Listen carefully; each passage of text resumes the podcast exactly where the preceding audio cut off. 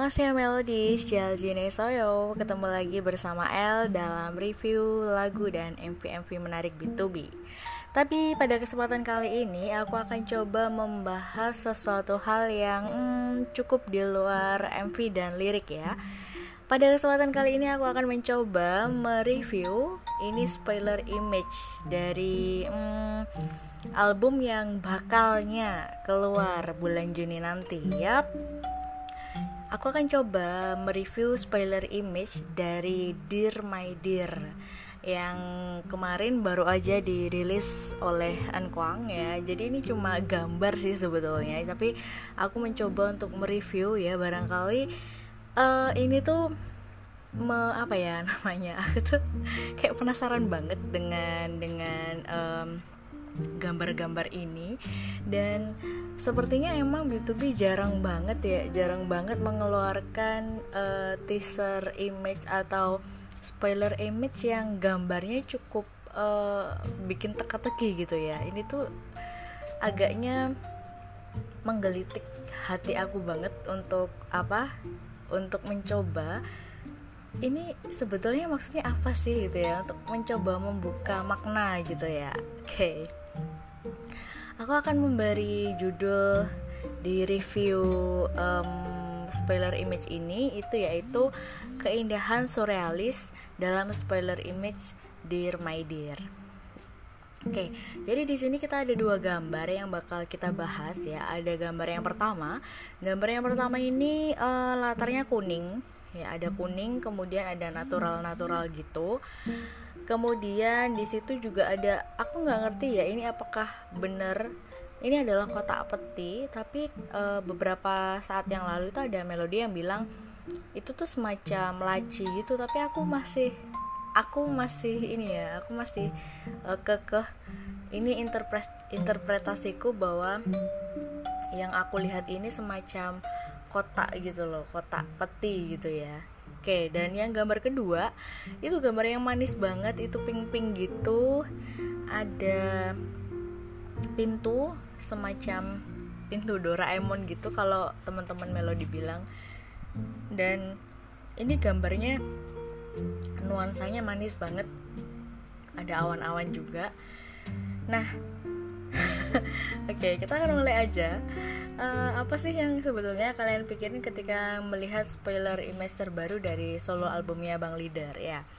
Uh, ada yang tadi bilang pintu Doraemon, terus ada yang tadi bilang juga uh, pintu tobat gitu ya.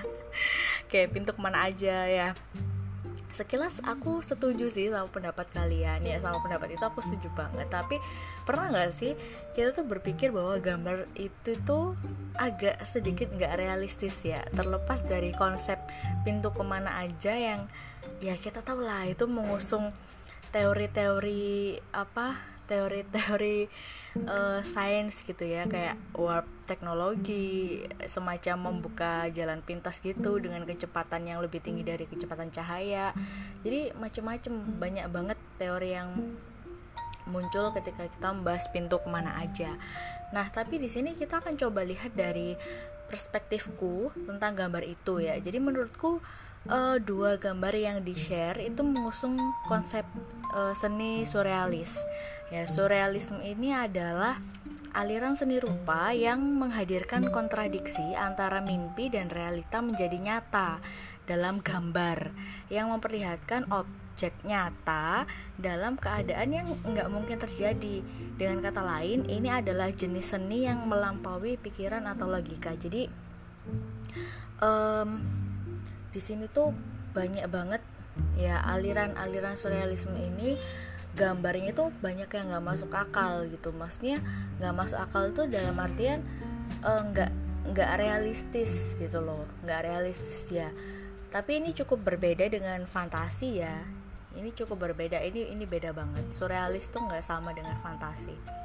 Jadi well pendekatan teori psikologi Freud ini mengeksplorasi alam bawah sadar dan citra mimpi manusia sebagai salah satu penggambaran hasrat manusia. Jadi semacam hasrat yang terkubur. Kenapa? Karena ada tekanan sosial dan hal-hal lain seperti malu, nggak percaya diri, dan mimpi yang memudar karena menghadapi realitas yang lebih logis. Jadi bisa dikatakan gambar-gambar tersebut tuh adalah perwujudan hal yang nggak realistis. Jadi misalnya uh, yang realistis nih, misalnya kita tuh pengen apa? Misalnya kita pengen uh, jatuh cinta dengan orang itu ya. Itu tuh realistis gitu ya. Tapi di gambarnya kita tuh menemukan hal yang gak realistis. Misalnya katakanlah di situ ada gambar hati ya. Ada gambar hati kemudian hati itu punya uh, mulut dan memakan otak misalnya ya. Kayak apa ya? Itu kan sesuatu yang nggak mungkin ya. Itu yang dinamakan surrealis Nah, uh, kenapa kok aku berpendapat gambar-gambar yang di drop itu adalah gambar-gambar surrealis? Pertama, pernah nggak sih kalian tuh menjumpai ada pintu di atas awan gitu loh? Itu nggak nggak realistis banget gitu ya, mana ada. Terus yang kedua, pernah nggak kalian tuh menjumpai realita pemandangan langit dan balon udara yang muncul dari kotak peti? Jadi ketika kotaknya itu dibuka, muncullah di situ ada pemandangan uh, balon udara dan awan gitu. Pernah gak sih kalian kayak gitu? Maksudnya di sini bukan yang apa namanya bukan karya karya seni ya maksudnya ini dalam realitasnya realita realnya. Nah pasti nggak pernah gitu loh nah ini tuh sefrekuensi dengan gambar-gambar surrealis seperti Golconda oleh Ren Magritte yang menceritakan tentang hujan manusia yang diinterpretasikan sebagai garis batas antara individualitas dan asosiasi atau kelompok yang telah hilang dan kabur di masa modern atau juga ini tuh sefrekuensi dengan karya berjudul The Wounded Dear oleh Frida Kahlo. Ini kalian bisa baca di web. Itu epic banget, guys.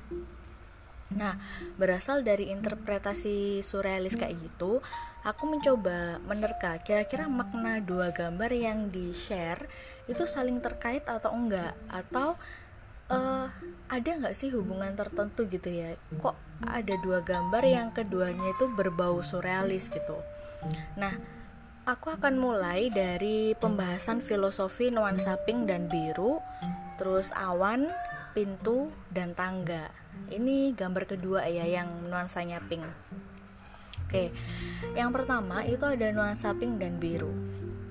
Pink atau merah muda itu adalah simbol rasa kasih sayang, persahabatan, harmoni, dan kedamaian. Warna ini tuh dinilai manis, lucu, menyenangkan, feminin, menawan, lembut, bersifat empatik, dan sensitif.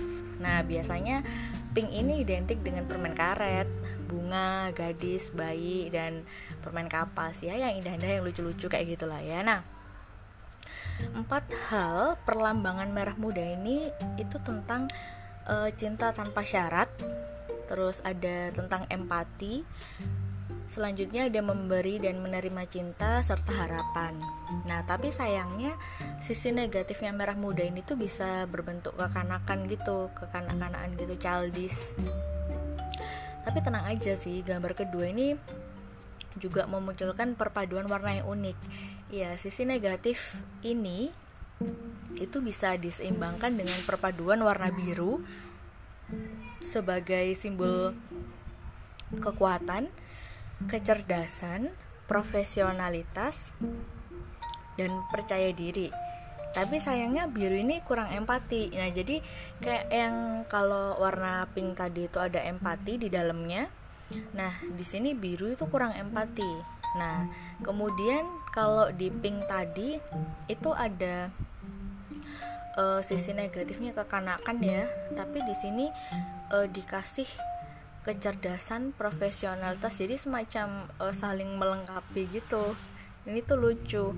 Nah, dari do, do, uh, dominasi warna kita tuh bisa memahami bahwa mungkin vibe yang dimunculkan Engkwang di sini itu adalah lagu-lagu yang penuh kasih sayang, persahabatan yang menyenangkan gitu kan, bahasan cinta tanpa syarat dengan profesionalitas yang tinggi dan tentu aja musik yang menenangkan. Gimana? Nah, yang kedua itu ada awan. Nah, di sini Awan bicara tentang filosofi sebuah pengorbanan. Bagaimanapun kita tuh melihat bentukan awan nih, namanya tetap awan, ya nggak sih? Awan melakukan berbagai macam perjalanan untuk kembali lagi jadi awan dalam siklus yang melelahkan. Jadi ini proses terjadinya awan gitu loh guys. Jadi uh, dia itu dari laut kemudian menguap gitu kan. Kemudian setelah jadi awan gitu hujan. Hujannya turun ke lembah-lembah. Ya muter aja di situ. Jadi kayak nggak terbatas gitu loh. E, siklusnya itu nggak berhenti. Nah kalau dilihat dari polanya yang terus menerus ini kita tuh bisa mengaitkan dengan cinta tanpa syarat yang di bahasan merah muda sebelumnya. Udah tahu akhirnya itu kayak gitu tapi nyatanya tetap kekeh berjuang. Nah seandainya kita tarik lagi analogi kekasih sayang mungkin Engkuang ini pengen menyampaikan pada fans bahwa gimana pun bentuknya cinta yang diberikan itu tetap sama dan akan terus berulang meski sulit seperti siklus awan tadi. Oke, next ini adalah pintu yang ketiga. Sekali lagi kita minggirin dulu deh teori yang berhubungan dengan sains dan sejenisnya. Ya semacam pintu ke mana aja, ruang dan waktu, teori Einstein, kecepatan cahaya, dan lain-lain. Kita coba bahas dari versi paling sederhana soal filosofi pintu ya setiap hari nih, kita tuh berkutat dengan pintu dalam hal apa pun tanpa disadari. Pintu itu adalah penghubung antar ruang, dan secara nggak sadar juga, pintu mendatangkan rasa aman dan nyaman. Di balik pintu yang kita buka, kita tuh nggak akan pernah tahu apa yang ada di baliknya. Jadi sekalipun kita tuh tahu itu ruang apa, tapi kita nggak pernah tahu kan, maksudnya apa yang bakal ada di balik pintu itu atau mungkin siapa aduh ini ini agak creepy ya Nah, ini sama kayak masa depan. Kita nggak pernah tahu apa yang ada di sana sebelum ngebuka pintunya itu tadi. Nah, dalam gambar kedua, di situ tuh ada pintu yang sedikit terbuka. Jadi baik di belakang maupun di depan pintunya, pemandangannya itu sama. Nah loh, harusnya kan beda gitu ya. So, kira-kira ini tuh adalah Yajiapsa. Yajiapsa, Yojondo, Jigemdo, Aprodo, Sarange. Nah, jadi aku mencintaimu kemarin, hari ini, dan di masa yang akan datang. Kayak gitu. Jadi uh, sama, nggak ada beda. Mau uh, mau sekarang, mau besok, mau hari ini itu sama aja. Jadi aku menginterpretasikannya kayak gitu ya. Terus yang keempat ada tangga. Tangga ini adalah penggambaran proses untuk sampai pada tujuan. Jadi kita perlu berjuang selangkah demi selangkah untuk naik gitu. Well, ini relate banget dengan siklus awan yang sebelumnya kita singgung. Jadi sebuah perjuangan untuk sampai ke titik di mana kamu bisa memberikan sekaligus menerima cinta sepanjang waktu. Oh, amazing gak sih? Next, yuk ke gambar yang pertama kita bakal ngelihat apa kira-kira relasi dua gambar yang kita bahas. Ya. Nah di gambar pertama itu ada kotak peti. Ini versiku ya. Kotak peti awan. Sekali lagi ada awan di sana dan ada balon udara. Ini tuh di adalah apa ya sebuah kemustahilan gitu loh. Ketika awan dan balon udara keluar dari kotak yang bener-bener napak di rerumputan tuh sangat tidak realistis ya. Apakah awan-awan itu berhubungan dengan gambar yang kedua? Gambar awan yang ada pintunya tadi? Mari kita ingat-ingat lagi deh konsep gambar surrealis. Gambar surrealis itu jenis seni yang melampaui pikiran atau logika.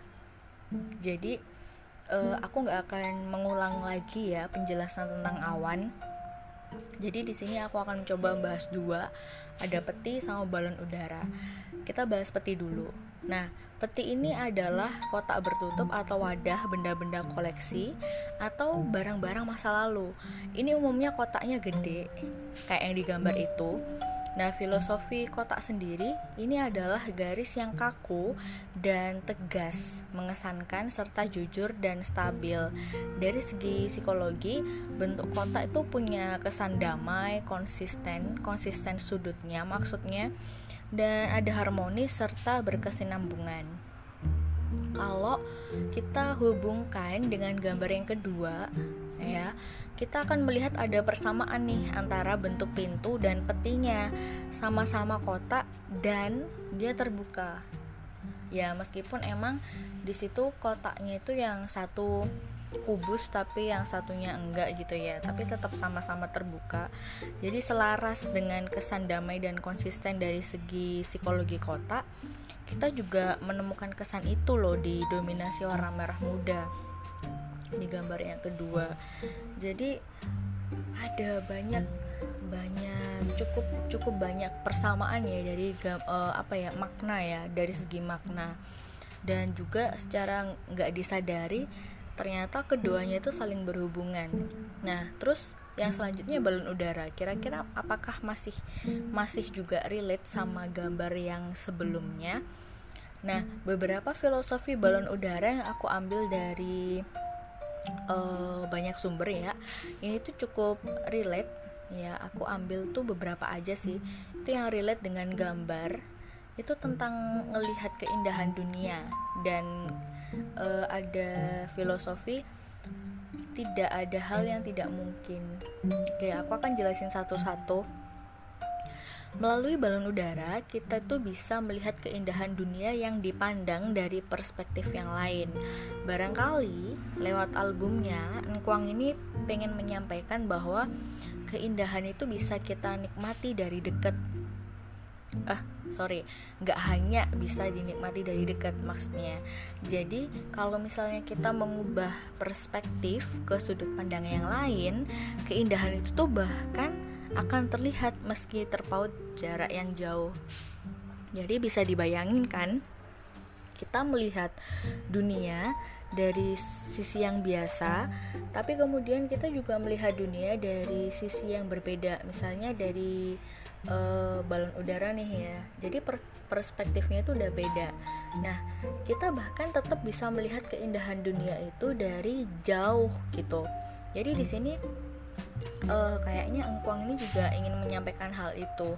Jadi misalnya nih ya kayak aku nih fans Inter ya fans Inter Melodi Inter. Nah aku bisa tetap melihat keindahan B2B bisa tetap melihat keindahan melodi di mana pun berada meskipun jauh. Ya karena ini tadi ada perspektif yang berbeda ada sudut pandang yang berbeda yang kita bawa ketika kita tuh melihat sesuatu di sana.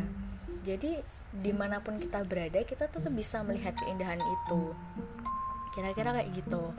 Nah kemudian dari balon udara kita itu bisa melihat hal yang nggak mungkin menjadi mungkin. Nah jadi di sini melalui media balon udara kita yang berat bahkan melayang di atas ketinggian ratusan hingga ribuan kaki. Iya nggak sih? Itu ada sesuatu yang mustahil. Ini adalah menurutku nih ya ini adalah analogi goals dari perjalanan dan perjuangan sepanjang waktu. Dari sini tuh tiba-tiba aku inget aja perjalanan B2B dan melodi dari awal sampai detik ini. Jadi semacam sebuah realita atas pernyataan hal yang tidak mungkin menjadi mungkin. Nah jadi pada akhirnya tuh hal yang nggak mungkin menjadi mungkin inilah yang masuk dalam konsep surrealis jadi pintu yang nggak mungkin berada di atas awan dalam realitanya, dalam kenyataannya, nyatanya itu bisa digambar demikian dalam konsep surrealis. Nah, awan dan balon udara yang nggak mungkin berada dalam peti di realitanya, di kenyataannya, nyatanya itu bisa dilukiskan dengan indah di sana jadi di sini maksudku ini sangat relate ya dengan um, perjalanan B2B dan melodi. Kalau misalnya kalian pernah melihat gambar perkembangan melodi dari tahun ke tahun itu tuh sangat ya ampun bayangin ya. Maksudnya aku nggak ngerti ya ini melodi yang ngikutin dari tahun B2B debut. Kayaknya waktu itu misalnya mereka punya pemikiran nih kayaknya waduh kok kayaknya nggak mungkin ya tapi ternyata setelah melalui perjalanan yang panjang proses yang berliku-liku proses infinite yang gak berhenti seperti apa namanya awan proses terjadinya siklus awan itu akhirnya di situ hal yang tidak mungkin itu menjadi mungkin. Jadi semacam melodi yang sangat kecil beat yang sangat kecil yang nggak mungkin itu menjadi uh, hubungan yang sangat mungkin gitu. Maksudnya hubungan di sini hubungan gede ya hubungan besar banget relasi besar banget yang sangat-sangat mungkin gitu. Jadi aku mikirnya itu luar biasa banget sih asli. Ya jadi perjuangan perjalanan dan lain sebagainya itu semuanya itu ada di sana. Dan kemudian uh, pagi tadi aku sempat baca juga uh, semacam penjelasan gitu ya dari garis besar albumnya Engkwang ini katanya tentang uh, ucapan terima kasih yang hangat gitu loh karena melodi itu menunggu Engkwang balik dengan sabar. Dan ini tuh semacam nggak terbatas gitu loh katanya. Nah ini cukup relate sih dengan yang aku bicarakan tadi dengan siklus awan ya. Aku berharapnya um, review gambar-gambar ini tuh bisa sedikit bikin kita ngerti oh kira-kira gimana sih? gitu ya gimana sih uh, sebetulnya apa sih yang mau disampaikan uh, sama Angkwang buat kita? gitu ya. Aku berharap interpretasiku ini tuh bisa bantu kita untuk berpikir ke sana tapi bukan berarti interpretasiku yang paling bener ya. Jadi uh, bisa aja misalnya kalian punya interpretasi lain dan oh ternyata itu lebih lebih masuk gitu lebih masuk akal. Jadi it's okay nggak masalah.